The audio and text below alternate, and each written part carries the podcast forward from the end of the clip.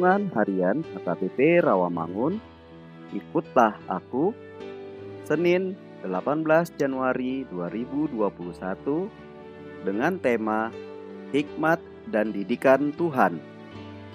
Bacaan kita pagi ini tertulis di dalam 1 Samuel pasal 10 ayat 1 sampai 8 dan bacaan kita malam ini tertulis di dalam 2 Korintus pasal 6 ayat 14 sampai dengan 2 Korintus pasal 7 ayat 1. Dan kebenaran firman yang menjadi ayat renungan harian kita hari ini tertulis di dalam Ibrani pasal 12 ayat 5 yang berbunyi dan sudah lupakah kamu akan nasihat yang berbicara kepada kamu seperti kepada anak-anak?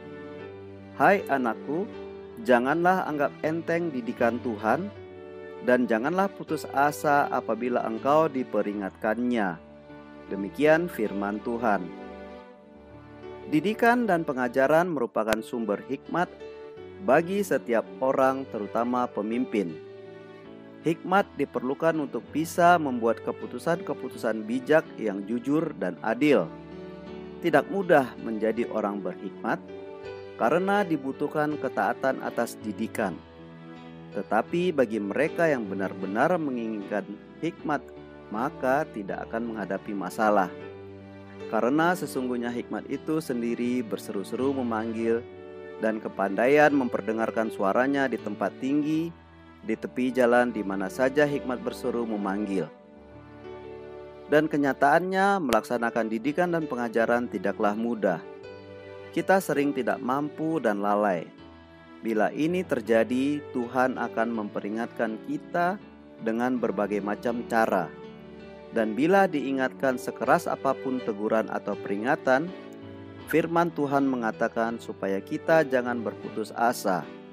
Dalam Roma 12 ayat 12 dinyatakan, Bersukacitalah dalam pengharapan, sabarlah dalam kesesakan, dan bertekunlah dalam doa.